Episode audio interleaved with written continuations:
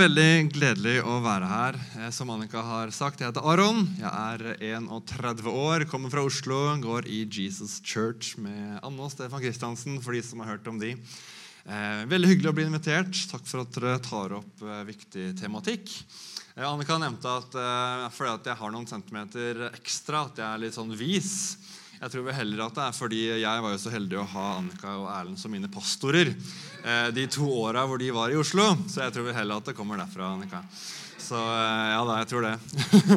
Men jeg husker jo at Erlend han drev og prekte i sånn fire-fem timer på søndagene. Så jeg tenkte å, jeg skjønner jo at dere er vant til mye undervisning her, så jeg tenkte å holde det til en to, to og en halv. da. Så vi får satse på det, at det går bra. Nei, men eh, Kjapp introduksjon av min lille, søte familie. Dette er eh, min kone fra Romania, Cornelia. Hun er herlig, og så har vi to barn sammen. Og hver eneste dag hjemme hos oss ser eh, sånn der ut. Nei da. Det, det kan se ut sånn her også, så det, det er dager hvor det det er, det er litt sånn det føles. Men eh, familieliv er veldig herlig. Kommer til å bruke skjermen en del. Så for de som sitter her og tenker at de har lyst til å flytte nærmere, så er det lov. altså. Eh, som Annika har nevnt, så er det jo både den, dette med ekteskap og samliv som er temaer. Men mer spesifikt da i dag så skal jeg snakke om, om disse to viktige tingene. Eh, sex og porno, for å være helt spesifikk. Eh, og Umiddelbart kan det være noen som hopper i stolen og tenker at dette her er, eh, det kommer til å bli kleint eller dette kommer til å bli eh, flaut. Eh, andre av dere, Når man ser ordet sex eller tenker på porno, så umiddelbart så bare senker det seg et sånt mørke over deg. Du bare tenker at ah, der har jeg driti meg ut, eller det der har jeg ikke fått til, eller der er det mye skam. Kanskje du tenker på porno, og du bare ja, det er et fengsel jeg er i. Eh, og vet du hva, I dag så skal ikke noe sånn type fordømmelse eller skam få lov til å være inni det rommet her. Her skal det få lov til å være frihet, det skal få lov til å være Kristus, det skal få lov til å være glede i Herren. Og ingenting som skal liksom trykke ned, skal få lov til å være her inne. Jeg tenkte at vi bare skal begynne med en bønn om det. At her skal det få være glede, her skal det få være jubel, og her skal vi kunne allikevel få lov til å snakke om temaer og, og bli satt i frihet. Så Herre, takker deg at vi kan få søke deg først. At vi kan få, få, få, få våge, Herre, å snakke om selv ting som, som kan være vanskelig, selv om de i bunn og grunn er gode. Må du beskytte alle hjertene her inne i dag, Herre, fra å ikke bli tynga ned av denne tematikken, men heller bli løftet opp og få sine øyne åpnet, Herre, for noe som er så godt, noe som du har gitt, og noe som du har ment til vårt beste, Herre. Så jeg takker deg, Jesus, at alle skal få lov til å dra hjem i dag, oppmuntra i sitt indre, utrustet til å leve et liv 100 for deg. Og i Jesu navn så alle mennesker. Amen. All right. Eh, hvorfor skal vi snakke om dette her i menigheten, kan jo noen tenke. Hvorfor skal vi liksom ta opp dette her i kjerka? Og eh, Seksualitet og seksuelle spørsmål er noe som møter unge mennesker i verden i dag i en yngre og yngre alder kommer kjempetidlig. Ulrikke Falk, eh, hun som spilte Vilde i Skam-serien, hun er en form for en eh, aktivist i disse dager. Hun har vært åpen om det og sagt at når hun var syv år gammel, så ble hun introdusert for porno for første gang. Eh, syv år gammel. og Gjennomsnittet i verden for første gang man blir presentert for pornografi, det er elleve år. Det er gjennomsnittet. Ikke sant? Det vil si at det er mange som selv er yngre enn det. Og da bare skjønner man at wow, det her angriper unge mennesker, og spesielt barn, tidligere og tidligere. Så vi må angripe tilbake ved å bevisstgjøre. Det er litt sånn at liksom, Jeg har vært konfirmantleder lenge. og Da er det sånn 13-14-åringer. Vi har liksom én samling i, år, i, løpet av det året som går på sex og porno. og liksom disse tingene. Men da er man nesten sent ute. nesten sent ute, For dette møter folk så tidlig. Og når man møter dette som et ungt menneske, hva er det som skjer da? Man får masse spørsmål får masse spørsmål som popper opp i hodet om hva er greit, hva er ikke greit. Jeg er en kristen, men så føler jeg på dette. og Hvordan skal jeg liksom beherske dette her? De har masse spørsmål. Og Hvis ikke vi i kjerka, vi som i våre familier kan snakke om dette her, så kommer de til å få de svarene, eller lete etter de svarene fra andre steder. Så vi trenger, å, vi, vi trenger, å, definere dette for barna våre. Vi trenger å definere dette i eget liv. Vi trenger å nevne dette for barna våre som de første som nevner det. På en god måte, på en trygg måte, sånn at de uunngåelig, når de møter pornografi eller en annen form for seksualitet enn den vi står for, så kan de møte det på en kontrollert og god måte. En annen ting til hvorfor dette er viktig å snakke om, er for at det er jo ingen av oss som er immune mot seksuell synd. Dette her er ting som kan møte oss alle, ting som kan være problematisk selv for de som er eldre enn et barn. Eh, derfor er dette viktig. Og det er fordi det er så i dypet av oss, det kan være så vondt, det kan være så skambelagt. Og nettopp derfor må vi være flinke på å få det ut i lyset. Eh, jeg håper at vi kan være en kirke som er selvfølgelig kjent for å være mest mulig fokusert på Jesus. At det er det vi er kjent for, at vi ikke er kjent som en kirke som bare snakker om sex og porno. Men allikevel kan vi si at vi kan få være en kirke som etablerer et miljø der folk vet at der er det trygt, der er det annerledes, og der er det lov til å stille spørsmål om disse tingene. For der møter jeg mennesker som ikke er redd for å ta det opp, men som kan svare på spørsmål jeg har, på en god og bibelsk måte. Så jeg tror det er kjempeviktig at vi tør å snakke om dette her, selv om det skal være Jesus og fokus og begeistring for han som skal være det vi er kjent for. Når jeg var yngre, så tenkte jeg følgende at når en jente og en gutt blir sammen, så kysser de. Når en gutt og jente blir kjærester, så kysser de på munnen. Det tenkte jeg veldig mange år. Og så blir jeg litt eldre, og jeg kommer inn i Jesus Church, jeg blir kjent med noen eldre karer. og så Litt etter litt så skjønner jeg liksom at nei, det er ikke nødvendigvis sånn. Det er ikke en regel på at liksom man kysser når man blir sammen. Det kan jo skje, men det er ikke en regel. Da begynte jeg å tenke liksom, ok, men hvor har jeg den oppfatningen fra? Hvor har det fått snike seg inn? liksom den her, Selvfølgelig kysser man når man blir sammen. Så begynte jeg å tenke litt, og så innså jeg liksom ok, nå skjønner jeg hvor jeg har den oppfatningen fra. Det er selvfølgelig Disney-filmer. Jeg har jo sett masse Disney-filmer med prinsesse og prins. ikke sant? Hvordan avslutter alle de filmene? Jo, det er jo at prinsen kysser prinsessa. Og jeg bare, wow! Den, den, den selvfølgen for meg kom fra Disney-filmer, kom fra kulturen, kom fra filmer som nødvendigvis ikke hadde noen ting med Guds ord å gjøre. Og Det fikk meg til å tenke kanskje det er andre ting når det kommer til seksualitet, hvordan man blir sammen med noen, hvordan man gifter seg, hva sex er. Kanskje det er oppfatninger jeg har som ikke har sitt opphav i Bibelen, men i kulturen jeg lever i. Og Der tror jeg vi alle kan være latente for å eh, liksom Når det kommer til bønn og Bibel og liksom misjon, ja, da har vi alt fra Bibelen når det kommer til liksom, hvordan en gutt blir kjent med en jente og etter hvert gifter seg med henne, eller hvordan man skal forholde seg til seksualitet på en god måte, da har vi kanskje våre måte, oppfatninger og lærdommer fra andre steder enn Guds ord. Men vi vet jo det at Guds ord er nok i alle spørsmål. Vi trenger ikke å slå det opp, vi kan eh, bare peise på. Men her står det jo ikke sant? Hele Skriften er innåndet av Gud. Og den er nyttig til lærdom, til overbevisning, til rettledning, til oppduktelse i rettferdighet. Hvorfor det? Jo, for at Guds menneske kan være fullkomment satt i stand til all god gjerning all god gjerning som vi skal få lov til å gjøre i dette livet, her, kan vi bli utrustet til og opplært i ut fra svarene som kommer fra Bibelen. Selv det som har med sex å gjøre, selv det som har med seksualitet å gjøre, og det som har med pornografi å gjøre. Så det er Utgangspunktet vårt når vi skal snakke om dette, her, det er Bibelen, Guds ord. Amen. Amen. Jeg vet at dere er glad i Bibelen her i kirka. Eh, møt en kar som eh, ja, en type for mange år siden. Eh, dette er meg som 18-åring. Eh, og Jeg var singel, og jeg var jo selvfølgelig på utkikk, som alle single unge mennesker er. kanskje eldre også. Eh, og Så møter jeg denne, eh, denne damen som jeg faller pladask for. heter Cornelia, kommer fra Romania, er misjonær i Oslo. Uh, og Jeg er 18, og etter at vi har blitt kjent, og litt sånn, så tror jeg at jeg sender en SMS sent på kvelden. sånn, 'Jeg tror jeg har følelser for deg. jeg vet ikke helt hvordan dette er. Og, skal snakke sammen. Send!' Og så, Nei, jeg burde ikke sendt den. Og så angrer man. Uh, og hun, var jo, hun, var sy, hun, er syv år eldre enn meg. Var også syv år eldre enn meg tilbake da. Så når man er 18 og så er man syv år eldre, da er en 18-åring ganske, ganske barnslig. ikke sant? Så, så, hun var veldig voksen i forhold til meg. da. Så hun, eh, vi, vi møttes dagen derpå, og så snakka vi sammen. Og Cornelia gjør det meget klart klart hvordan dette her skal fungere. Hun sier ordrett Aron, det kommer aldri, aldri, aldri, aldri, aldri, aldri, aldri til å bli noe mellom oss. Ja. Så Det var jo for så vidt enkelt å forholde seg til. Så det var liksom klar tale, ikke mulig å misforstå noen som helst ting. Så, så, eh, så jeg forholder meg til det, og så går det et et, halleluja, amen. Eh, så går det et par år, da, og så snur, eh, snur mynten litt. Og jeg skjønner plutselig at Cornelia har snudd og plutselig fått litt følelser for denne karen. Da hadde jeg klippet meg, så kanskje det hjalp. Men hun har følelser for meg, ballen begynner å rulle, og eh, veldig lang og kronglete historie kort. Vi ender jo selvfølgelig opp med å gifte oss. Så helt herlig. Det er godt å være gift. Helt nydelig. og eh, veldig, Jeg har vært, vært gift i vært gift i syv år, og, og vi, vi, vi, finner hverandre. Og når man, begynner, når man gifter seg, da, så begynner man jo å gjøre noen sånne greier i senga. Eh, vi skal ikke snakke så mye om hva det er for noe, men det ender jo da med at man blir gravide. Eh, så vi får lille dattera vår, Kiara, på fire år. Herlig å være pappa. Eh, og så gjør vi litt mer sånn i senga, som gifte mennesker gjør. Jeg skal ikke snakke så mye om det.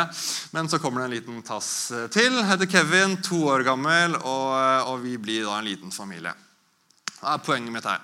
Eh, jeg og Cornelia vi valgte når vi gifta oss, eller også i forkant av at vi gifta oss, vi hadde, vi hadde venta med sex.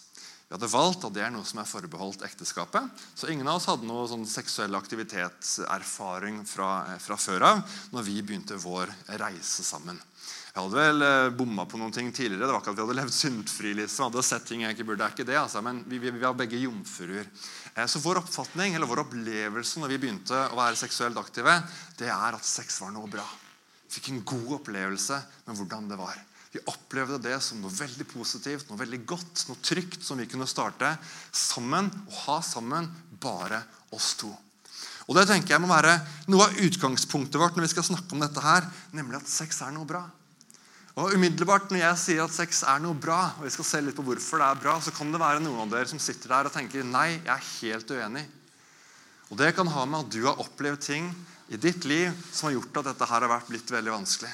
Man kan ha opplevd misbruk, man kan oppleve at man er oppvokst i en familie hvor seksuelle ting var tabu. Det var ikke noe man skulle snakke om, for det gjorde ikke kristne. Så man kan oppleve dette her som vanskelige ting. Og Det ønsker jeg å anerkjenne, og det må vi ta tak i. Hvis man sitter med sår, hvis man sitter med dype ting som man ikke har tatt tak i, så må man ta tak i det. Finn noen å snakke med. Annika og Erlend, finn noen å snakke med om det. Men selv om man har hatt en dårlig opplevelse med noe som er bra, så kan vi allikevel ikke si at seksualitet og sex på et generelt grunnlag er noe dårlig. For Gud skapte det. Annika hadde en fin intro eh, og sa at eh, det er jo Gud som har skapt dette her. Han er ikke noe overraska når han ser ned på oss eh, som gifte som, som, som har oss. og det blir ikke sånn, hva er det de driver med, liksom. Han som har skapt det, som er en god gave til oss, som skal nytes og som skal brukes til å utbre eh, menneskeslekten. Han sa 'bli mange', ikke sant? ha det gøy, kjør på. Eh, og Han ga det til oss som en gave, han ga det som en beskyttelse i ekteskapet for å holde to mennesker sammen som et lim. Og han ga det for at vi skulle kunne bli mange. Så Gud hadde en hensikt med det. Det var rett og slett hans design. Han har designa det, han har eierskap på det.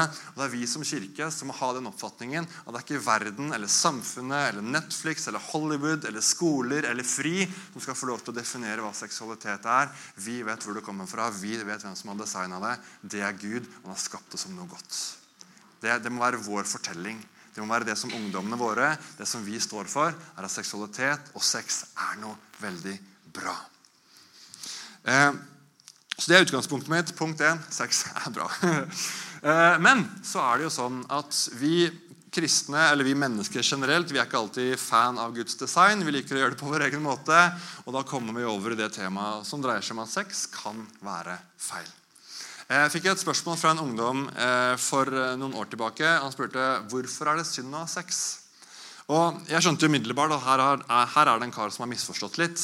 Men allikevel en kar som lurer, som har spørsmål, som har hørt noe. Han vokste opp i en kristen familie, hørte noe om sex, han har hørt noe om ekteskap. Han har hørt at liksom, det er synd. eller ikke sant? Han hadde en litt sånn feil oppfatning. Eh, og jeg tror, det, jeg tror, det, nettopp som jeg sa i innledningen, symboliserer og representerer en ungdomsgenerasjon, også blant kristne, som har så mange spørsmål. Men det jeg tror han egentlig spurte om, det er hvorfor er det synd å ha sex før ekteskapet.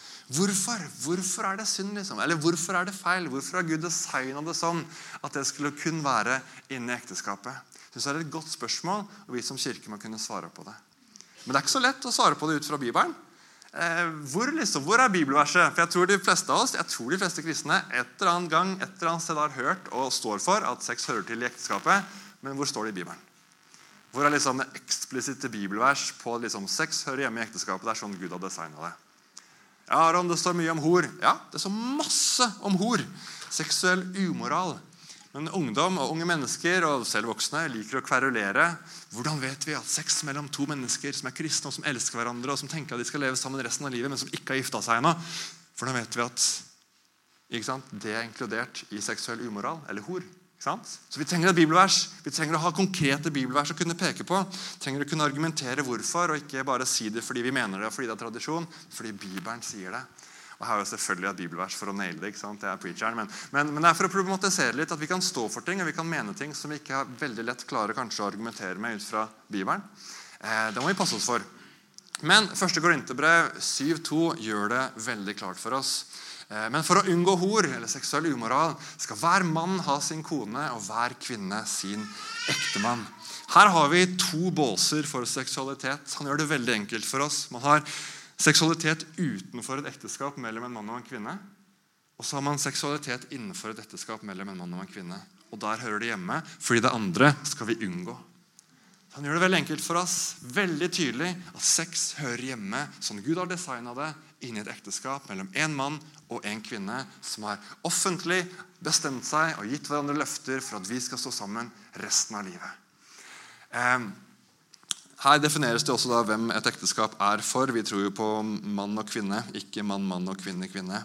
Men her er det et vers, og, det tyder jo på også det at når det kommer til eh, det å gi et eksempel til unge mennesker på hvorfor er det sånn Hvorfor er det sånn Gud har skapt det? Hvorfor er det synd å ha sekt for ekteskapet? Eller En annen, annen, måte å spørre på er jo hvorfor har Gud designa det på den måten? Det er en mye bedre måte å vinkle spørsmålet. Hvorfor, Gud, hvorfor er det synd å ha sex for ekteskap? Det er så tungt, det er så mørkt. Eller spørre hvorfor har Gud designa det på den måten? Og Det er jo rett og slett fordi at det er noe meget kraftig. Seksualitet er så sterke krefter i oss. Det er sånn Gud har skapt det. Det er sånn han har tenkt det. Men nettopp derfor må det være i sin rette plass, på sitt rette sted. Og Vi er alle enige om at, du, at, at flammer og ild er veldig positivt på det riktige stedet. I en peis så skaper det lys, det skaper varme, det skaper knitrelyder, det skaper god stemning. Rett og slett et veldig bra sted for ild. Tar du en eh, brennende kube ut av den peisen og legger den ned på gulvet, så kan den brenne ned hele huset. Det er så kraftig hvis det tar ut fra det stedet hvor det hører hjemme. Eh, så sex hører til i ekteskapet. Mer å si om det, altså, men jeg har bare lyst til å enkelt definere det for oss. Sex er bra, og det hører hjemme i ekteskapet. Så kan noen si da, Hvis du snakker med ungdom, eh, kanskje man føler det selv også ja, men 'Det er så lenge til jeg skal gifte meg.' 'Det er så innmari lenge. Det er så vanskelig å vente.' Ja. Så er det sånn, tror jeg, at hvis det er bra nok, det du venter på, så klarer man å motivere seg til å vente. Hvis det er bra nok, hvis man estimer det, hvis man måte, eh, anser det som viktig og bra nok, så klarer de fleste å vente på noe bra. Og det er som jeg skulle sagt til deg eller til en ungdom, da, for de elsker smarttelefoner. Jeg skal gi deg en gratis telefon. Du får den helt gratis.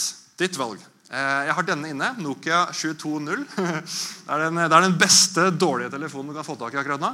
Eh, den har jeg inne. Du kan få den med deg akkurat nå, helt gratis. Eller så kan du eh, få en iPhone 12. En helt ny iPhone 12 har ikke kommet ennå. Den er bare blitt annonsert. Eller du kan få en eh, Samsung Galaxy S20. Helt gratis, men jeg har den ikke inne ennå. Du må vente åtte uker. Da får jeg den inn.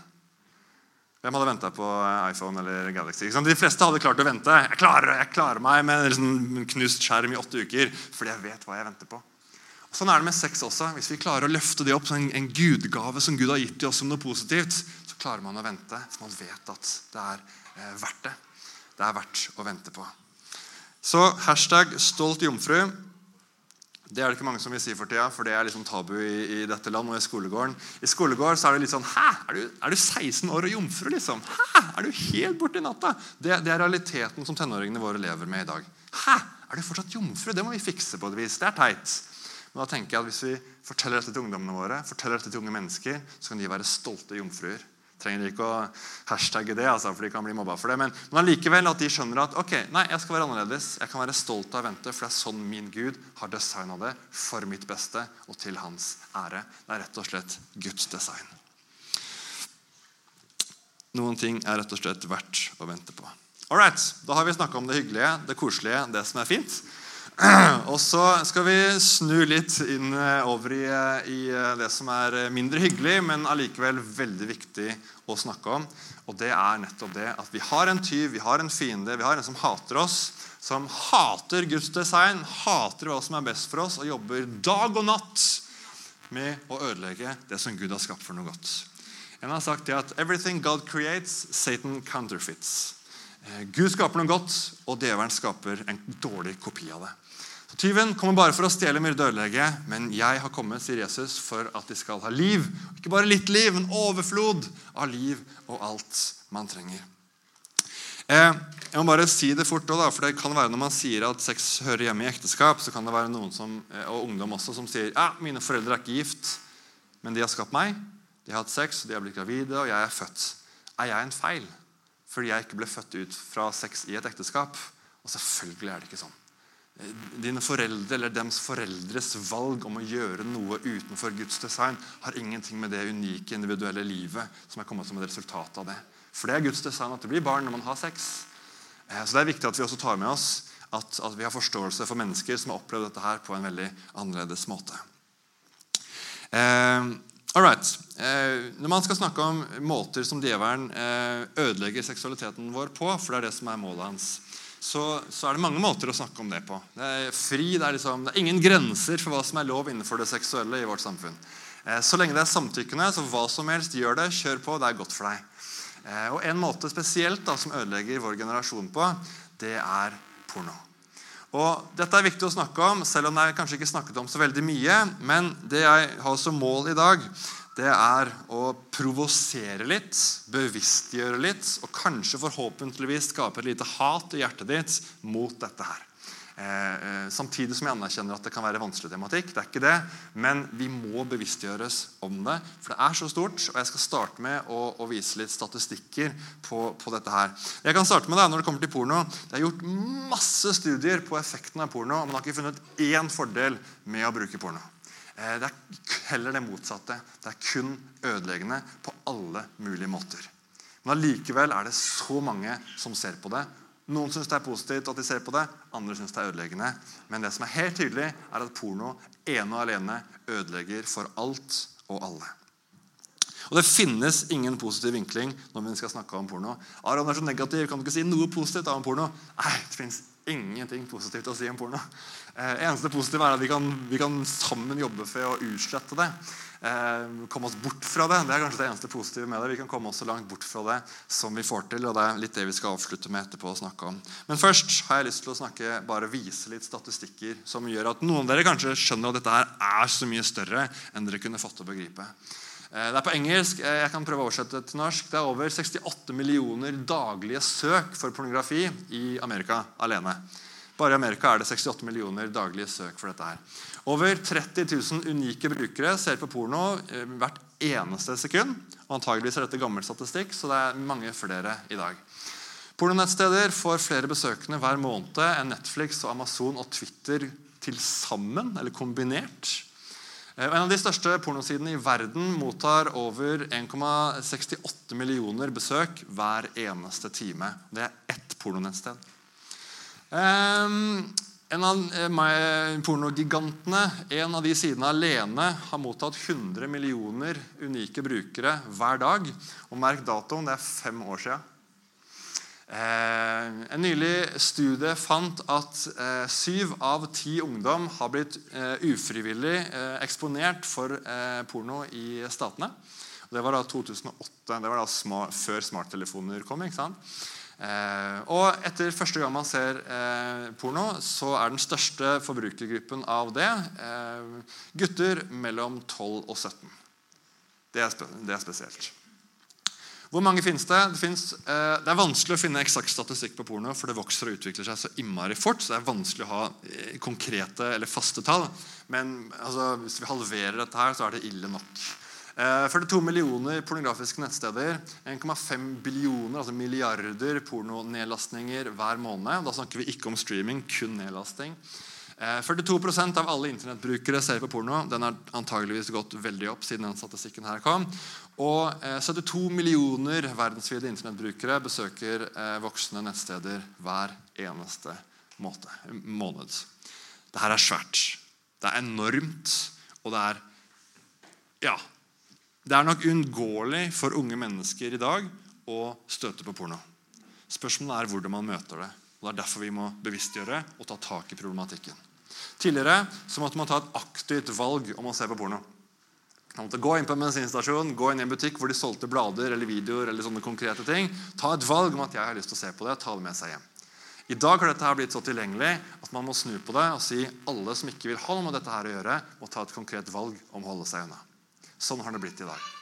Eh, og porno ødelegger. og Jeg skal raskt gå gjennom dette her. Hold dere fast. Eh, porno eh, ønsker å ødelegge identiteten til unge mennesker. Pornoindustrien er aggressive i å gå etter unge mennesker. Det er et styremøte hvor en journalist fikk lov å komme inn til en av pornogigantene. og De drev og planla ok, nå har vi de voksne, vi har tenåringene. Hvordan kan vi nå barna? Hvordan kan vi nå barna? Og De fant ut hey, smarttelefoner. Alle barn, Flere og flere barn har en smarttelefon som de tar med seg inn på rommet under dyna i et mørkt rom. Der kan vi nå dem med dritten vår. De vil ikke si at det er dritt, da, de vil tjene penger. Men, men de går etter barna våre. Har, vi har misjonsstrategimøter, de har pornostrategimøter i hvordan kan vi nå flere og flere. hvordan kan vi få definere ungdommene våre? Hvordan kan vi normalisere pornobruk som noe som alle menn gjør, noe som alle kvinner gjør? Det er noe som er vanlig, noe som er bra for deg. De ønsker å påvirke identiteten til unge mennesker. Porno ødelegger sex. Ungdom i dag som har sett mye på porno, ville sagt jeg vet veldig mye om sex. Kan masse om sex. Jeg har aldri hatt sex, men jeg kan veldig mye om det. Hvorfor det? De har sett masse på porno. Så de tror at de vet hva sex er, basert på det de har sett på. Så tar de med seg det inn i sitt eget sexliv, og så ødelegger det den sexen. For det er to helt forskjellige ting. Eh, sex i porno handler bare om å ta. Sex slik Gud tenkte det, handler om å gi. Sex i porno handler om at jeg skal ha det bra, min nytelse. Sex slik Gud tenkte det, handler om at den andre skal ha det bra. Sex ødelegger frihet fordi det kan skape avhengighet. Det er noe som heter dopamin i huet ditt som blir forløst når man opplever nytelse.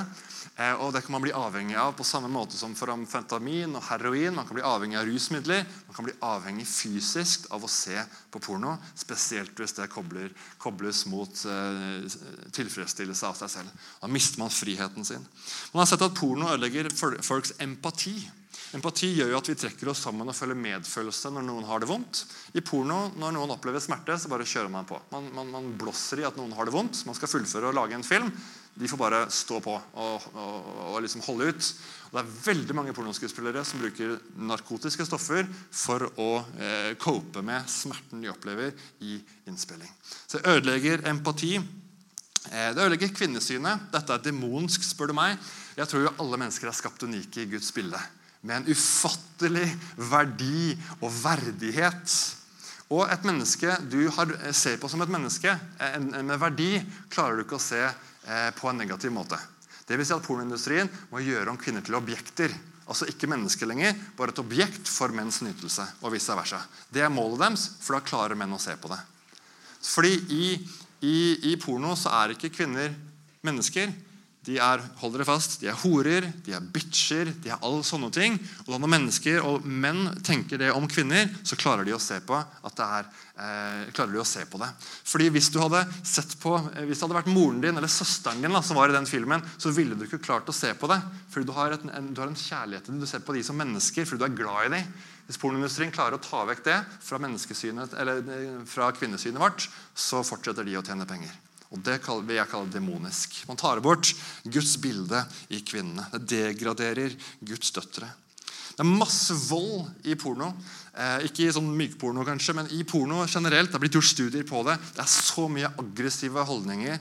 Det er så masse aggresjon både fysisk og verbalt som kvinner får høre i porno. Og Dette tar mennene med seg inn i sitt eget liv, disse holdningene mot kvinner. og derfor I Oslo også har det blitt et problem med eh, eh, partyvoldtekter, hvor et nei ikke er et nei lenger. I porno så mates man med at når en kvinne sier nei, så betyr det egentlig ja. hun har egentlig lyst. Og Det mates man med gjennom porno, og så tar man med seg det inn i sitt eget liv. Og Når en kvinne sier nei, så tenker man nei, nei, det betyr egentlig ja. For det har jeg sett på porno. Det er så ødeleggende. Eh, og så ødelegger det frimodighet fremfor Gud. I hvert fall for oss kristne. Man skammer seg. Man gjør som Adam og løper bort fra Gud. Når Gud sier, kommer, 'Hvor er du, Adam?' så gjemmer vi oss. Vi er skamfulle. Vi ønsker ikke å være frimodige fremfor Gud. Og dette her er bare litt av statistikken som finnes på de negative konsekvensene av porno. Bare en, en brøkdel av alt som finnes. Så tyven kommer bare utelukkende for å stjele, myrde og ødelegge. Han bruker porno for å ødelegge unge mennesker og vår seksualitet.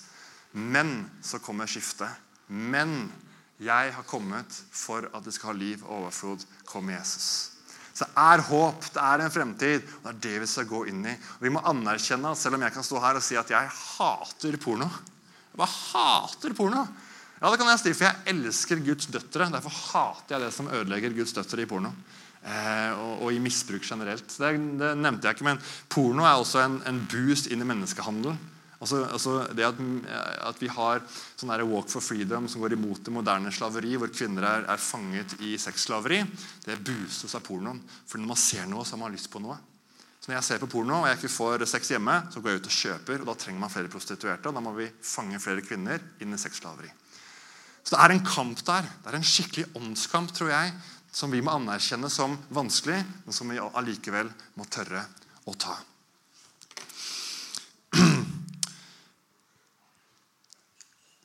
Johannes skriver eh, i eh, sitt første brev følgende.: Mine barn, dette skriver jeg til dere for at dere ikke skal synde. Men om noen synder, har vi en talsmann hos Far. Jesus Kristus, den rettferdige. Han er soning for våre synder. Ja, ikke bare for våre, men for hele verdens. Jeg elsker det, for han er så ærlig, han er så tydelig, og han er ærlig samtidig. Jeg ønsker bare, Etter at vi har sett nå på pornostatistikken og hvordan det er ødeleggende Hvis du sitter her og bare merker at dette er vondt, dette er vanskelig vet du hva? Gud elsker deg fortsatt. Det er nåde for deg, det er fremtid for deg. Dette er noe vi kan hjelpe med. Vi bare si det før vi fortsetter, Men det er så mye nåde. Vi vil aldri kunne bruke opp den nåde som Gud har for oss. Så ha håp. Vær, vær ved godt mot. Jeg ønsket bare å formidle eh, hvor ille dette her er, sånn at man blir provosert til å kunne også stå opp for det i eget liv og i andres liv. og Det er det vi skal gå inn på. Johannes skriver for at dere ikke skal synde. Jeg tror grunnleggende i alle kristnes liv så har vi fått noen andre lengsler vi ønsker ikke å synde. Vi ønsker å leve til Guds behag. Vi har fått nye dragninger i hjertet vårt til det vi ble født på ny, som gjør at det vi tidligere tillot oss å gjøre og hadde lyst til, det har vi ikke lyst til lenger. Det er en sånn default mode i hjertene våre at vi ønsker ikke å synde. Vi ønsker heller det motsatte, å kunne leve til Guds ære. Og Johannes skriver dette her, og Derfor skriver han jeg, jeg, jeg, ønsker å hjelpe dere med dette. her. Jeg ønsker å komme dere forkjøpet på det her med å synde. Så han skriver derfor skriver jeg dette til dere.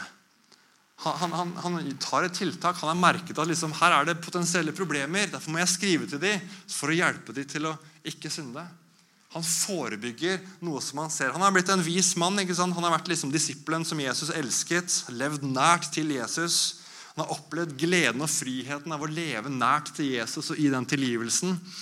Men han som alle mennesker anerkjenner at det er ganger det kan være vanskelig for oss. Vi kan gjøre feil valg. Vi kan trå der hvor vi angrer på at vi trådde, selv om vi kjenner Jesus. Og Derfor sier han, derfor skriver jeg dette til dere, for at dere ikke skal synde. Derfor er denne omsorgen jeg har, drevet meg til handling, som kan oppsummeres i et ord som kalles forebygge. Jeg å forebygge at dette skal skje med dere, sånn at dere ikke skal det. For de fleste kristne som gjør en synd, det gjør veldig vondt. Eh, så vi må forebygge, vi må forebygge, vi må, vi må, ta tiltak. og Det er litt det jeg har lyst til å snakke om nå. Eh, når jeg skal liksom snakke om det her med å ikke synde, så tror jeg punkt nummer én er å ikke være så fokusert på at man ikke skal synde. Gå rundt hele tida bare 'Jeg skal ikke synde, jeg skal ikke synde', jeg skal ikke synde. jeg skal ikke synde. Nei, vi heller gjør det motsatte. Tenke Jesus, Jesus, Jesus, Jesus. Hvordan kan jeg ha øynene mine på Jesus mer enn jeg hadde tidligere? Hvordan kan jeg ta tiltak i livet mitt, slik at sånne småting som kommer inn, som drar meg i en feil retning, forsvinner, og at jeg bare mer og mer kan få holde mitt blikk på Jesus? Det er første grep vi kan ta i våre liv, i våre familier, overfor våre barn. En sånn sunn begeistring for Jesus i hjertene våre. Eh, Begeistring for Jesus først og fremst. Og Det fokuset gjør at når man da ser på det som er rent, så blir ikke det som er skittent, så veldig attraktivt lenger. Det blir en annen definisjon på det. Eh, og Jeg ønsker å bare snakke om i ditt eget liv, i ekteskapet, i familien og i menigheten. I eget liv så må vi forebygge. I eget liv må vi sette opp guards og, og vegger rundt oss, sånn at vi er beskytta for potensielle farer. Og det er ofte sånn at Man kan se et mønster hvis man har feila tidligere. Eller kanskje man feiler gjentatte ganger og man hater seg selv for det. Men man ser at ah, jeg, jeg, faller, og så angrer jeg, omvender meg, lever bra en periode, og så faller jeg igjen. Vet du hva? Det starta ikke den gangen du falt igjen. Det starta rett etter du omvendte deg igjen. Fordi når man gjør en synd, så starta det ikke der. Det starta mye tidligere. Utroskap handler f.eks. om fysisk utroskap der man eh, ligger med en som ikke er ens ektefelle. Starter aldri ved det samleiet. Det starter med at man ble utakknemlig for kona si. Starta med at Den begeistringen man hadde hatt tidligere, var ikke der lenger. Man hadde ikke passa på den. Og Da begynte man å se etter andre ting. Da begynte man å bli litt åpen for andre ting. Man syntes det var spennende å se på andre. Og så Kanskje det var en på jobben eller i et miljø man var i, som hadde litt interesse for deg, og det fikk lov til å utvikle seg til et vennskap som ble dypere og dypere. Og så endte man opp på en sårbar kveld med å ligge ved hverandre. Og, og, og der var det ingen forebygging. Det var ingen guards som var oppe. Så I våre vår liv så må vi forebygge mot dette. Hvis det er ting man sliter med, hvis det er ting man ser skjer igjen og igjen, finn de mønstrene og ta de bort. I mitt liv jeg har helt kutta ut VG og Dagbladet. Kan ikke gå inn der lenger. Hvorfor det? Det er så mye pornografisk og nakent innhold som bare gjør at jeg dyttes i en retning jeg ikke vil bli dytta i. Så Det er et tiltak jeg gjorde i mitt liv. for Jeg merket det at liksom, jeg holder meg bort fra porno, men jeg merker at det er noe som skjer med meg. For det er så mye nakenhet på, VG, på VG og Dagbladet. Eh, og Instagram for eksempel også. Det er så mye søppel der. Så jeg har liksom tatt noen grep. Bare Instagram i helgene i stua der det er lys sammen med kona. Vi må finne mønstre. Vi må finne ut hvor vi er svake. Kanskje man ikke tar med seg mobil inn på soverommet. Kanskje man eh, kaster datamaskinen sin eller smarttelefonen sin og kjøper en sånn Nokia 22.0 som jeg viste. ikke sant? Altså at Man finner tiltak. man finner finner mønstre, og så forebygger man dette her i eget liv. I tillegg til å ha dette her Jesus-fokuset. I ekteskapet ber vi sammen. Holder vi liksom kjærligheten ved like? Forebygger vi på den måten?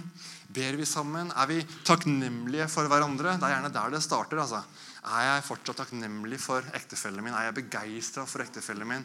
Eh, jeg, er en pastor som sa det at din kone er din definisjon på beauty, altså på, på skjønnhet.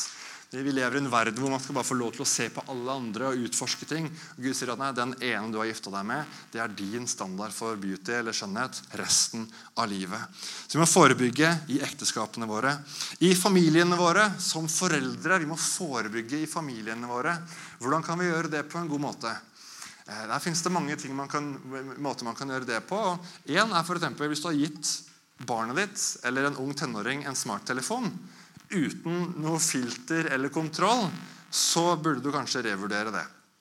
Jarle Haugland, eh, leder i Tro og Medier, han har skrevet det. Ville du gitt femåringen en sykkel og sendt henne ut i storbytrafikken? Ville aldri, aldri gjort det. Eller ville du ha gitt åtteåringen en sirkelsag til å leke med? Hva med å sende fireåringen på badestranda aleine? Det er jo galskap. Det er ingen av oss som ville gjort det. Men allikevel gir vi en smarttelefon til barna våre uten å kontrollere hva de bruker den til, og tenker at det går helt fint, når egentlig de er tre tastetrykk unna alle helvetes videoer der ute på pornonettsteder. Og de går etter dem. ikke sant? Så forebygge dette i familiene våre er å ta tiltak. Hva er det barna våre har tilgang på? Hvordan får de tilgang til det? Hvordan kan vi hjelpe dem til å ha noen murer? Og selvfølgelig Jesusfokus og, og, og gode rammer for å snakke om seksualitet. Og I tillegg til det i menigheten, hvordan forebygger vi dette i menigheten? Hvordan gjør vi sånn som dere har gjort det? ikke sant? Ha seminarer, invitere folk som kan snakke om dette her. Jeg tror det er kjempeviktig at vi forebygger. Ikke for å å, vi må passe på å ikke synde. Nei, vi må passe på begeistringen for Jesus. Det er den vi ønsker å passe på med å forebygge. Med unge, unge, mennesker, Hvordan skal jeg gjøre dette her i familien min? Hvordan skal jeg gjøre dette med tenåringene mine? Hvordan kan jeg få noen praktiske tips til hvordan jeg kan gå frem? Det skal være veldig kjapt i avslutningen. Eh, og så skal jeg også vise noen ressurser som jeg kan tipse om.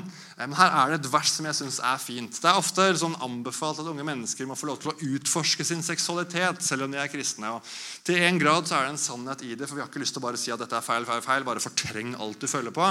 Men Paulus er veldig tydelig med Timoteus. Kom deg bort fra det. Kom deg bort. Ikke prøv å kjempe mot det. Ikke prøv å få kontroll på det fordi du taper. Kom deg bort fra det. Da kan jo Lyster bety lyst etter penger, lyst etter andre ting. Men hvis det også er seksuelle lyster som mange merker på, kom deg bort fra det. Ja, men Aron, Hva skal man jage etter da? Ungdom har så mye de ønsker å gjøre. De ønsker å jage etter noe. De har så mye eksplosivitet i seg og energi. Ja, men bruk den til å jage heller etter rettferdighet, tro, kjærlighet og fred. Hvordan kan vi som familier, menighet, et, et fellesskap rundt barna våre kanalisere den jaget etter noe spennende heller over på det å bygge kirke, ut med misjon, begeistring for bibellesning, bønnemøte, sånn at de er opptatt med å være opptenkt i det, sånn at de er begeistra for det og ikke sitter kanskje så mye hjemme alene og blir presentert for søppel.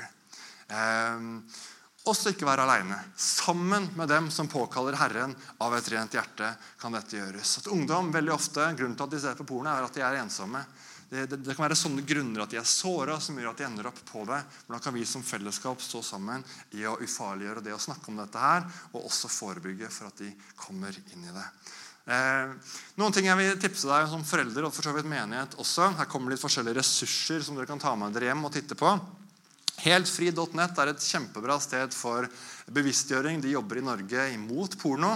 Eh, og de har lansert et gratis nettkurs som man kan ta selv eller sammen med et barn eller i husgruppesammenheng, der man går gjennom ulike videoer, ulike temaer, og går en reise sammen i det å bli fri fra pornografi.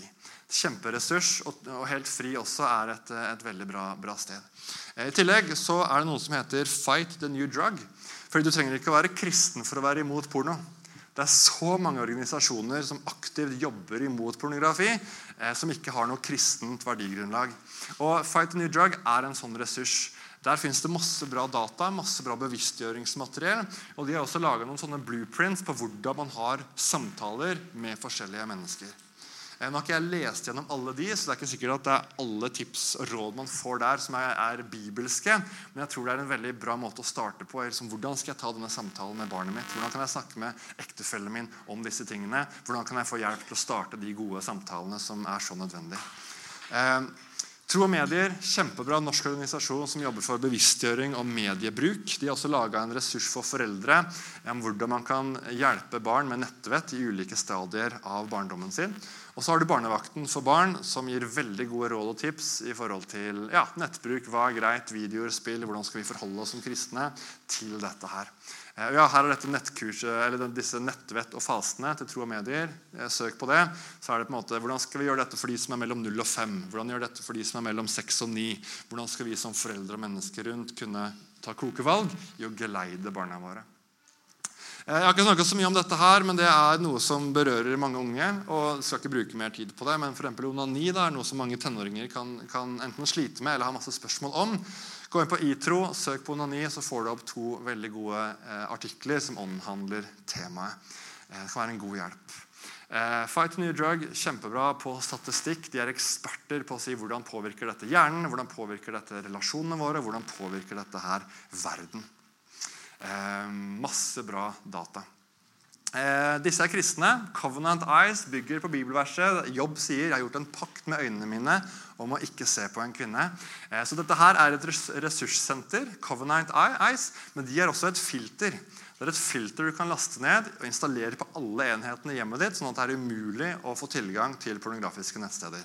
Nå er ikke barna mine gamle nok ennå, men så fort de får tilgang til en datamaskin, så skal vi utvilsomt ha et sånt filter på alle enheter i mitt hjem. hvert fall.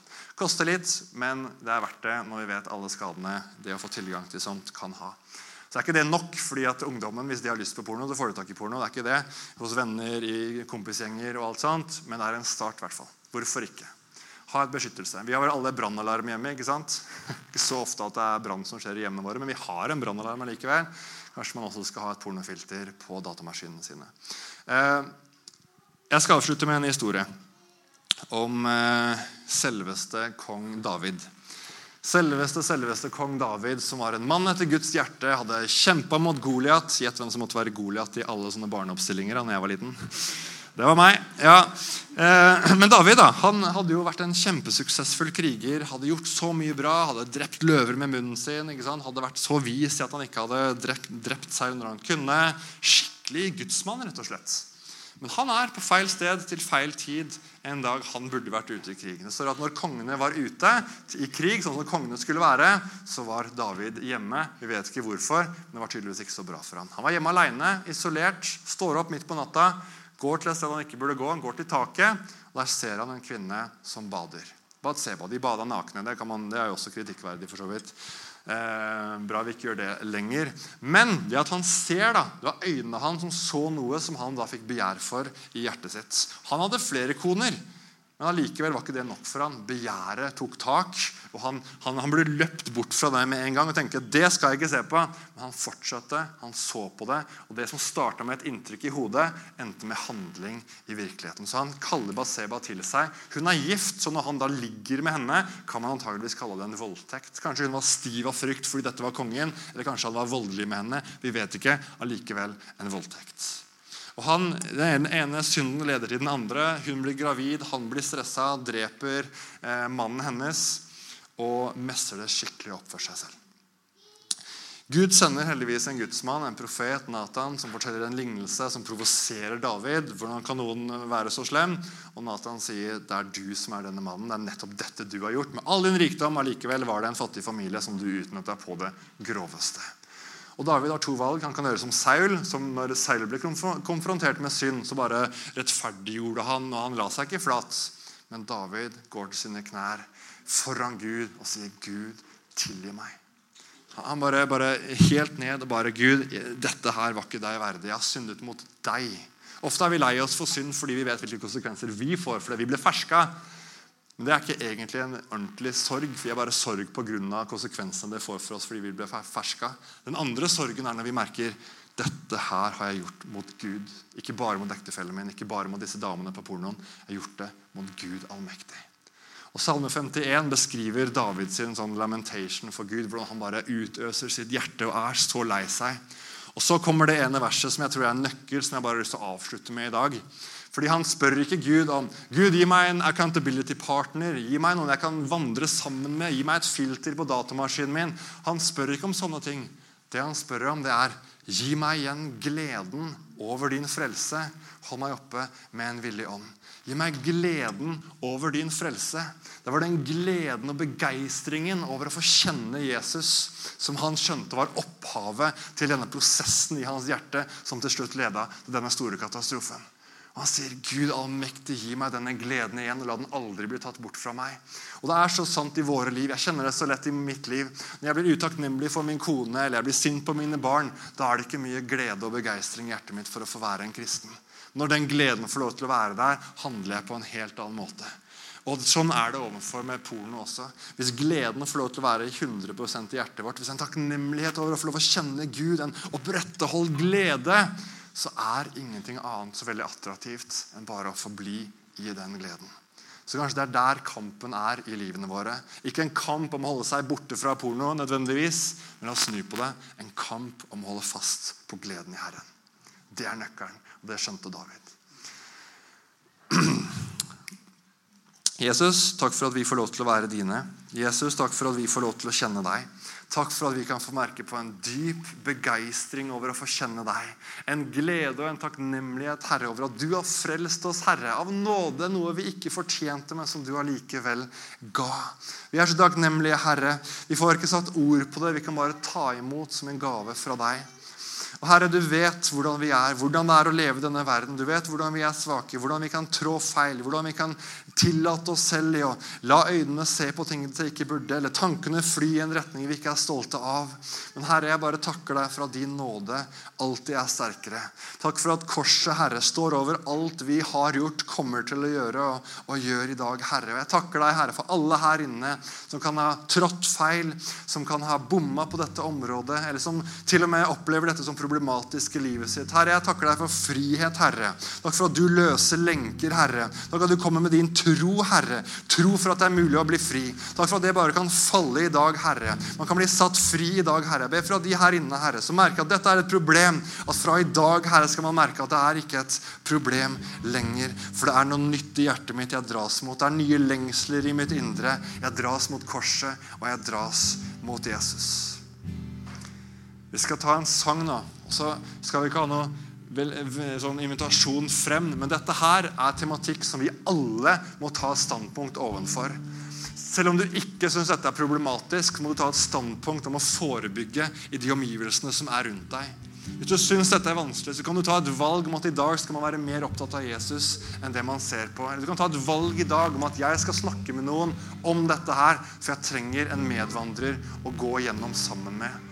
Så jeg vil at vi skal sitte nå, og så skal vi ikke ha noe håndsoppreisning, eller noe sånt, men vi sitter her under sangen, og så tar du det valget som du trenger å ta når det kommer til denne tematikken. Det er en aggressiv djevel som har lyst til å spre møkka si, så vi må passe på. Vi må ta valg om å stå imot og hjelpe de menneskene rundt oss ta de samme valgene. Så la oss bruke noen minutter og ta noen skikkelig gode valg.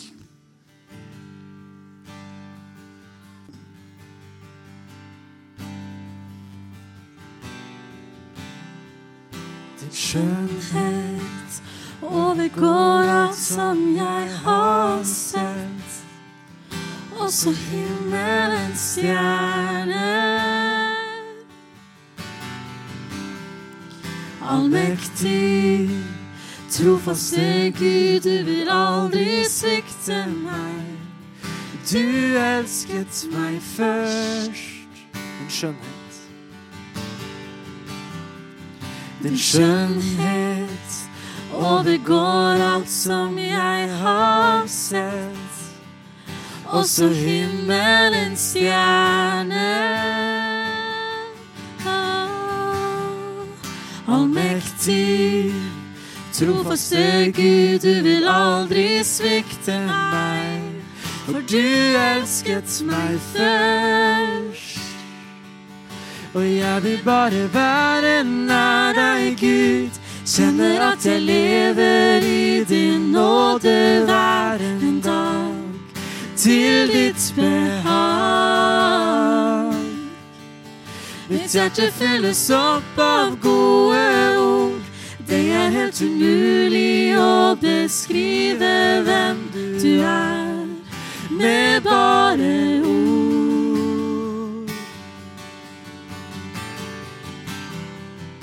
skjønnhet overgår alt som jeg har sett.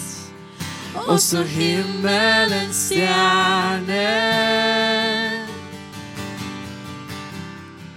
Allmektig, trofaste Gud, du vil aldri svikte meg. For du elsket meg først. Jeg vil bare være deg, Gud. Kjenner at jeg lever i din nåde hver en dag. Og til ditt behag. Mitt hjerte fylles opp av gode ord. Det er helt umulig å beskrive hvem du er med bare ord. For du er alt. Jesus, du er livet. Jeg glemmer meg selv. Opp til deg vil jeg se. For du er alt. Jesus, du er